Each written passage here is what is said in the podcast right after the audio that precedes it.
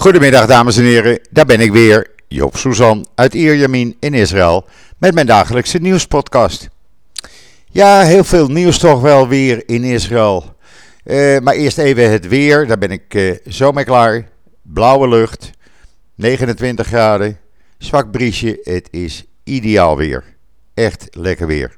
Maar zoals ik gisteren zei, hopelijk kunt u uh, er binnenkort van genieten. Tenminste, als u twee keer gevaccineerd bent en een groen paspoort heeft. Want dan kunt u mogelijk al vanaf november Israël weer bezoeken. Maar ik hou de vinger aan de pols daarover. Uh, het zou misschien uh, een week eerder kunnen al. Uh, er zoomt wat rond in ieder geval. Ehm, pratend over corona. ja, het gaat de goede kant op op het ogenblik. Voor het eerst sinds juli liggen er minder dan 500 mensen in de ziekenhuizen. Dat zijn er die ernstig ziek zijn. Dat zijn er nu 487 en dat is dalende. Het aantal dagelijkse besmettingen neemt af. Gisteren waren dat er 2502. Het, dagelijk, het positiviteitspercentage wordt lager, dat schommelt nu rond de 2,3 Het aantal actieve coronapatiënten is opnieuw gedaald, staat nu op 35.876. En uh, er liggen in totaal nog uh, uh, 705 mensen in de ziekenhuizen, althans gisteravond. En dat neemt ook af, want het waren een dag ervoor nog 751. Vandaag uh, komt dan ook het coronakabinet bij elkaar om te gaan beslissen welke maatregelen uh, geschrapt of verlicht worden. Er wordt gesproken dat je ook zonder groen paspoort dan weer het zwembad in kan of een evenement kan bezoeken of een restaurant in kan gaan. Dat gaat de goede kant op. Er zijn in totaal uh, bijna 6,2 miljoen mensen voor een eerste keer gevaccineerd.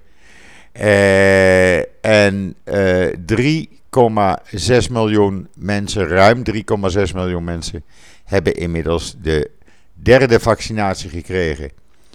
Dat gaat gewoon erg goed, gelukkig. En dat blijkt ook uit de woorden van de twee uh, topmensen uh, op volksgezondheid, de coronaviruszaar en de directeur van het ministerie Volksgezondheid, professor Asch. Die ook zei, ja, het, ik ben optimistisch.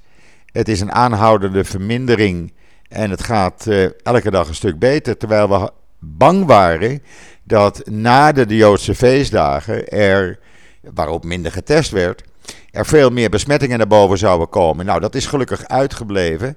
De cijfers blijven laag. En het is ondubbelzinnig, zegt hij. De trend is naar beneden toe. Eh, we moeten alleen nog even een paar dagen afwachten, zei professor As, om te zien wat er gebeurt op de scholen, nu de scholen sinds 1 oktober weer aan de gang zijn. Eh, hij zei ook dat uh, als volgende week deze trend nog hetzelfde is, dan kunnen we zeggen dat we binnenkort uit de vierde virusgolf zijn. Uh, de coronavirus-zaar, dokter Salman Zarka, die, ja, die ging daar ook op in en die zei, ja, wat mij betreft kunnen een aantal beperkingen waar alleen het groene paspoort voor geldt, kunnen versoepeld worden. Want het gaat gewoon hartstikke goed. Wat heeft Israël ondertussen gedaan? Die heeft met Merck, de medicijnenfabrikant, een afspraak gemaakt. Dat zodra de FDA in Amerika hun nieuwe pil tegen corona voor mensen die ernstig ziek zijn, eh, heeft goedgekeurd, en dat gaat binnenkort gebeuren, er miljoenen van die pillen naar Israël toe komen. Uh, men heeft niet afgewacht, men heeft de deal al gesloten. Bennett heeft dat gedaan. En minister Horowitz van Volksgezondheid. Men heeft de deal met Merck al gesloten, zodat Israël een van de eerste landen zal zijn waar deze nieuwe pil, die het uitermate goed heeft gedaan in alle testen die er zijn geweest, ook in uh, ja, uh, real-life test, mensen in het ziekenhuis ernstig ziek, kritiek en die knapte meteen op paar dagen nadat ze deze pillen hadden gekregen. Daarnaast heeft Bennett gisteren bekendgemaakt dat er 30, 30 miljoen sneltesten onderweg zijn naar Israël. Die sneltesten worden gebruikt door de ouders van schoolkinderen. Uh, die moeten twee keer per week de kinderen testen en dat werkt gewoon. Uh, waardoor je dus uh, niet meer krijgt dat kinderen op school plotseling ziek blijken te zijn. En waardoor een hele klas in quarantaine moet. Die kinderen worden nu getest voordat ze naar school gaan. Binnen 15 minuten is de uitslag van de test bekend. En kunnen de ouders de kinderen thuis houden en de school daarvan informeren. Nou, dat gaat natuurlijk, uh, ja, op die manier hou je het virus onder de duim. Althans, die richting gaat het uit.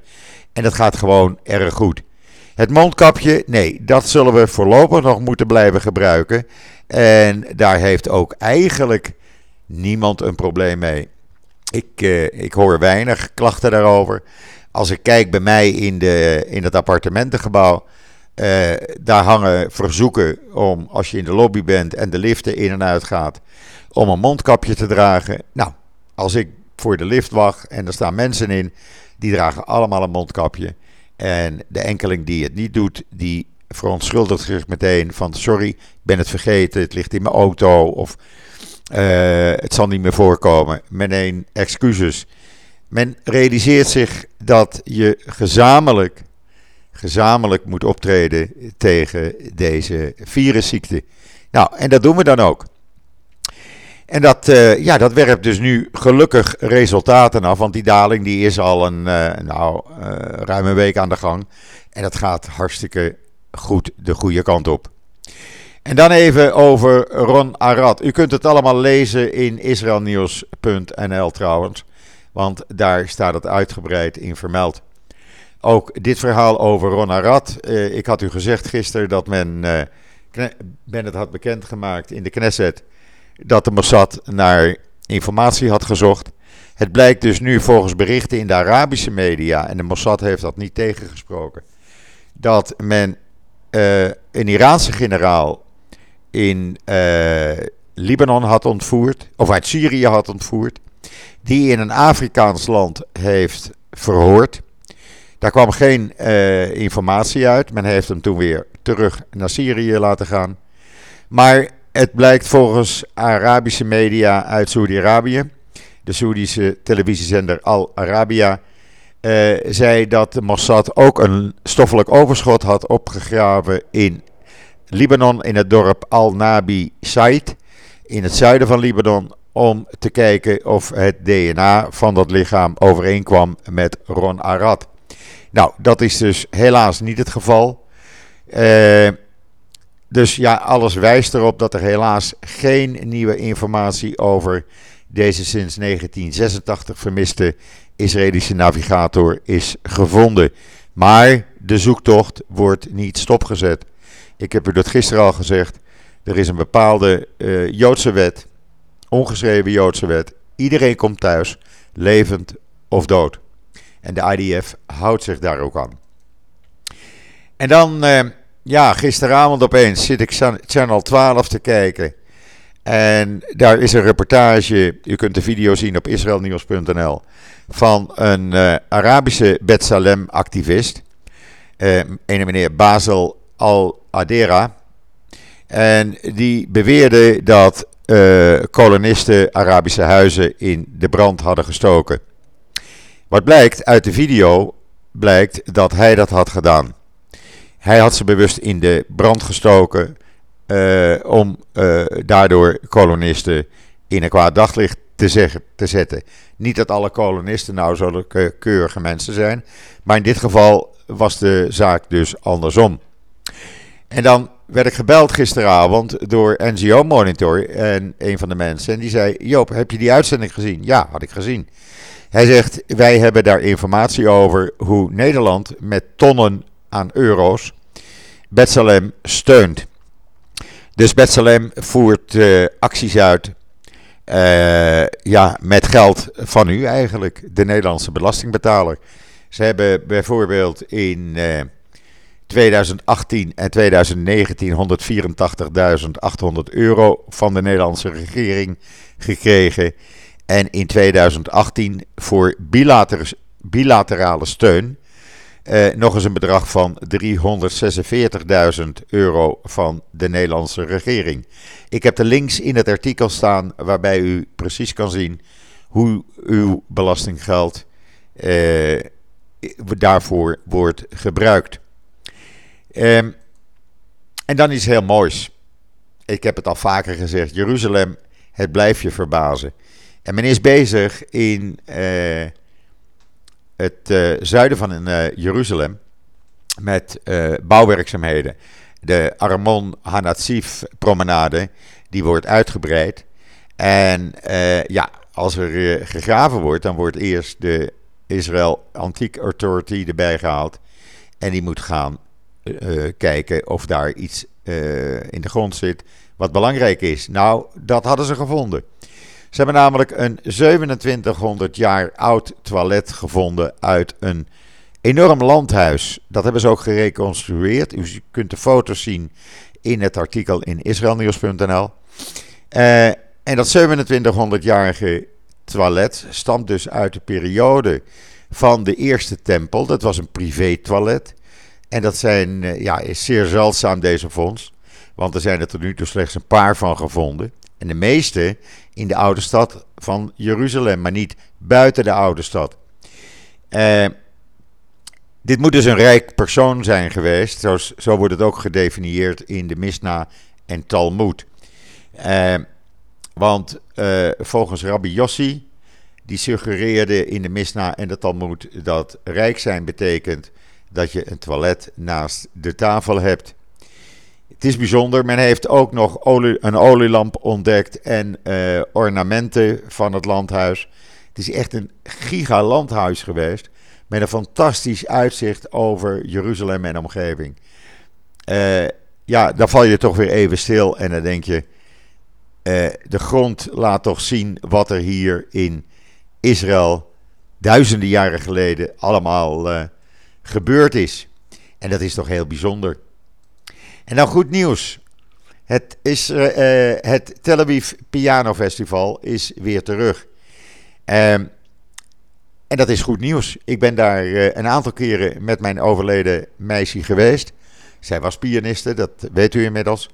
En dat is altijd bijzonder, want er wordt niet alleen klassieke muziek gespeeld, maar ook blues, jazz, rock and roll, folk, gospel, van alles wat met uh, vooraanstaande Israëlische en buitenlandse pianisten die daar optreden. En dat is altijd geweldig. Uh, ik heb de link erbij gezet waarbij u meer informatie kan krijgen. Het uh, vindt plaats 27 tot 30 oktober. Misschien is de grens dan al open voor u. En zegt u gewoon van weet je wat, ik ga lekker naar dat pianofestival knappen gewoon uh, nog een uh, paar weken uh, Israël tegenaan. En dan heb ik gewoon een geweldige tijd. Ik zou het gewoon doen. Als het mogelijk is, gewoon doen. Echt. het weer is dan nou, tussen de 25 en 30 graden. En dat is gewoon lekker. Um, ja, en voor de rest. Uh, men, men wacht af hier, althans wij wachten af wat er gaat uh, gebeuren. Uh, welke maatregelen verlicht worden voor corona. Ik krijg net bericht dat er in de maand september 36.000 uh, toeristen, tussen aanhalingstekens, Israël zijn ingekomen. Ik zal het straks uitwerken. Ik heb het persbericht net gezien. Uh, dat is ook belangrijk nieuws, want dat zijn er toch veel in deze coronatijden. En ik, ja, uh, wat er voor de rest in Israël gebeurt, ja, er wordt gewerkt door de regering. Eindelijk, zullen we maar zeggen, je hoort weinig, je ziet weinig. Uh, geen geroddel, geen achterklap. men is aan het werk en daar is een regering ook voor. binnenkort is, is al de tweede ronde van de drie stemmingen over het budget, over de staatsbegroting plaatsvinden. Uh, voor het eind van deze maand moet ook de derde stemmingsronde achter de rug zijn. Als die stemmingsronde uh, goed verlopen, nou, dan kan je rustig zeggen dat deze regering het uh, ja, langer gaat uithouden dan iedereen had gedacht bij hun aantreden uh, ruim drie maanden geleden. En ja, men heeft nu ook het idee, ondanks dat een peiling onder 639 mensen aantonen dat de Likud nog steeds de grootste partij is. Eh, je hoort nu toch wel in het land van, hé, hey, het is wel opvallend. Eh, we zien niet meer elke avond een minister op televisie met allerlei uh, doemverhalen. er is geen geruzie, alles gebeurt in de openheid. En er wordt gewerkt en dat is belangrijk. Er worden dingen gedaan, er worden dingen in, opgetuigd. Uh, zo was er vandaag een, uh, een bericht. Ja, uh, velen van u die ooit in Israël zijn geweest, kennen dat oerlelijke gebouw, het centrale busstation in Zuid-Tel Aviv. Nou, je wil daar nog niet doodgevonden worden, want het is levensgevaarlijk. Drugs, dronkenlui, misdaad. En dan moet je dus doorheen om um, op het dak naar de bus te gaan. Nou, dat wordt eindelijk, eindelijk afgebroken. In 2024 moet het weg zijn. Dan kunnen daar woningen komen. En dan zijn we van dat lelijke, oerlelijke gedrocht ook af. Er wordt gewoon gehandeld, klaar. Eh, men is bezig met een, gender, eh, een commissie voor genderneutraliteit op te zetten. Onder leiding van een van de vrouwelijke ministers.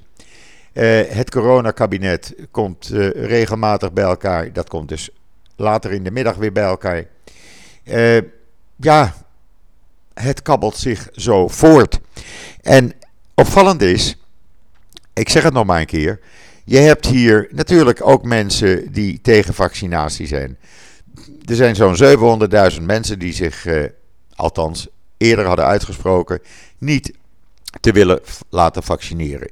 Deze mensen worden nu persoonlijk benaderd door artsen en eh, experts om ze te overtuigen van het belang. En het blijkt ook dat dat uh, werkt.